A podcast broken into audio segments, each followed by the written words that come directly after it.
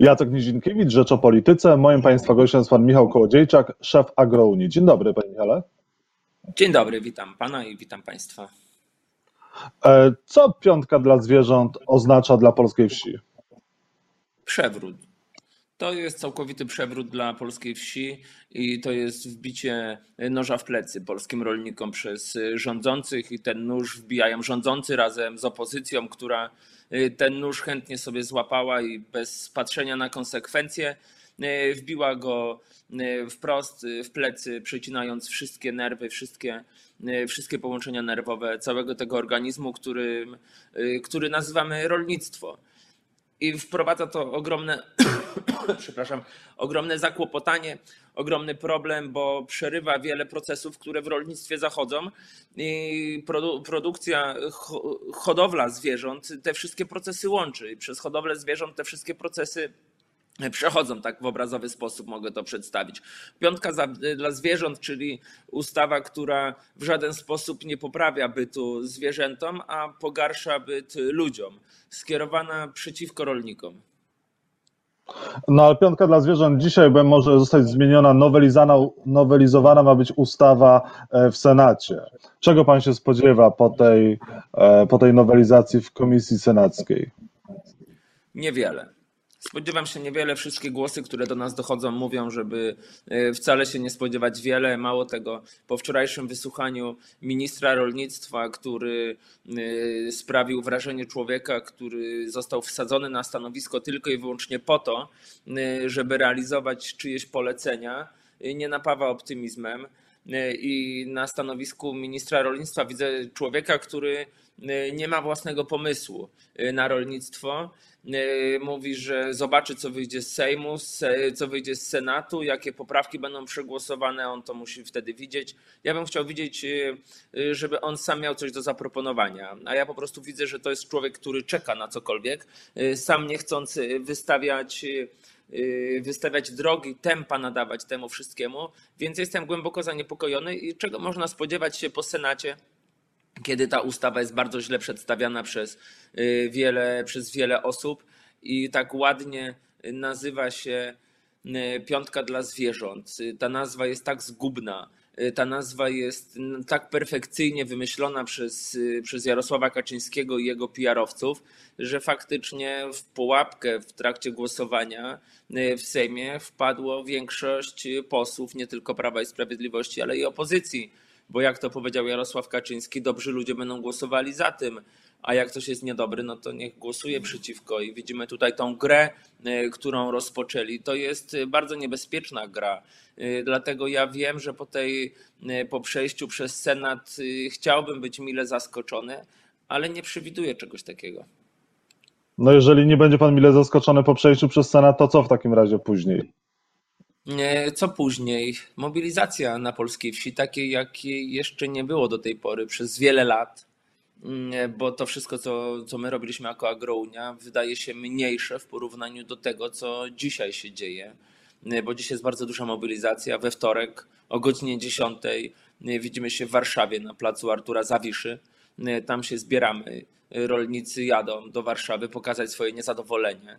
Rolnicy jadą w trakcie bardzo trudnego czasu, bo z jednej strony czas zasiewów, zbiorów y, kukurydzy, tego kończenia prac polowych, polowych i z drugiej strony czas epidemii, ale kto dzisiaj będzie zwracał uwagę na epidemię, gdzie nie ma już różnicy, jak ten człowiek zginie. Czy on zginie, bo się powiesi w stodole, czy w oborze wartej kilka milionów złotych, bo dzisiaj ktoś wymyśli, żeby w tych oborach nie było zwierząt.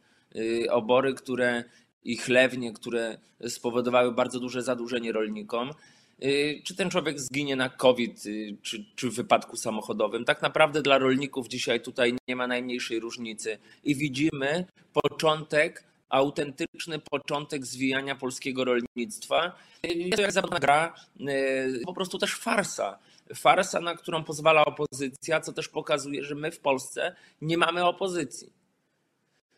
Czy y, Agrounia, czy rolnicy liczą na to, że prezydent Andrzej Duda zawetuje tę ustawę? Y, musimy na to liczyć ale ja tak zawsze też mówię, że naiwność to jest głupota.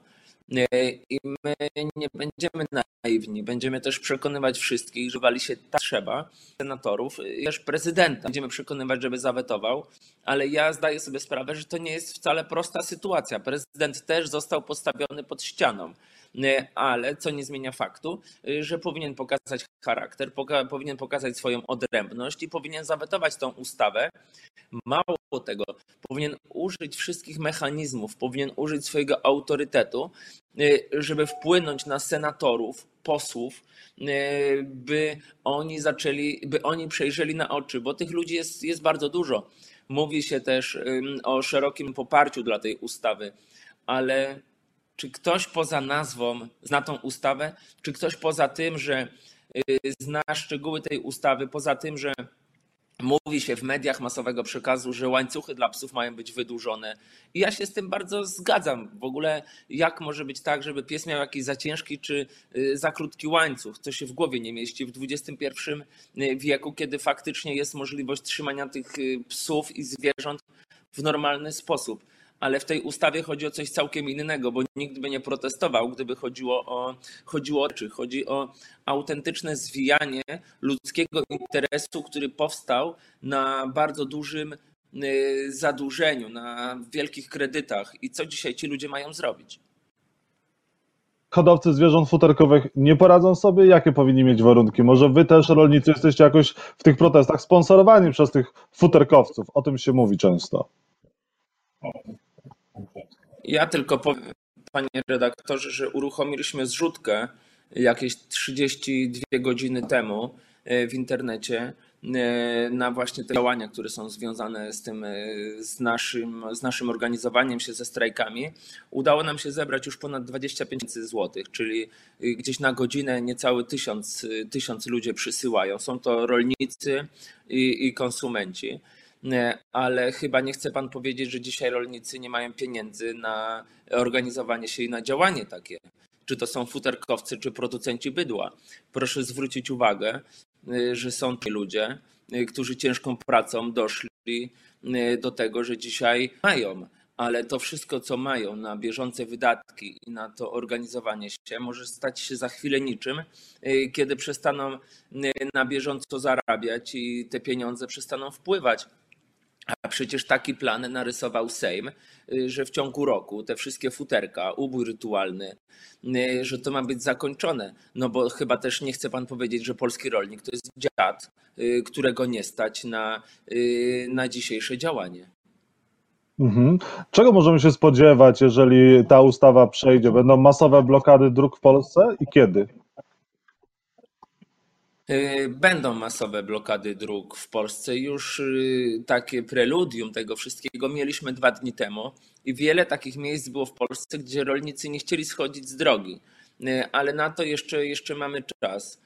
Dlatego spotykamy się teraz w Warszawie i kolejne działania to tak jak pan powiedział, to będzie paraliż, całkowity paraliż kraju.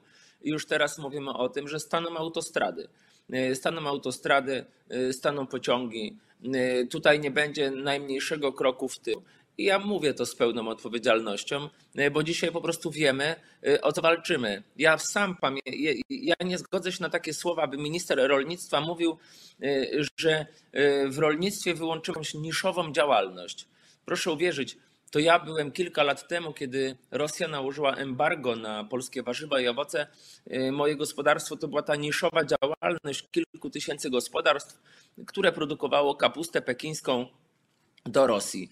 Ale rok wcześniej, dwa lata wcześniej, moje gospodarstwo, y, gospodarstwo wzięło kredyty na setki tysięcy złotych, na miliony złotych, by właśnie tą produkcję rozwinąć, by przyczynić się do wzbogacania się Polaków y, poprzez pozyskiwanie pieniędzy ze sprzedaży towarów za granicę.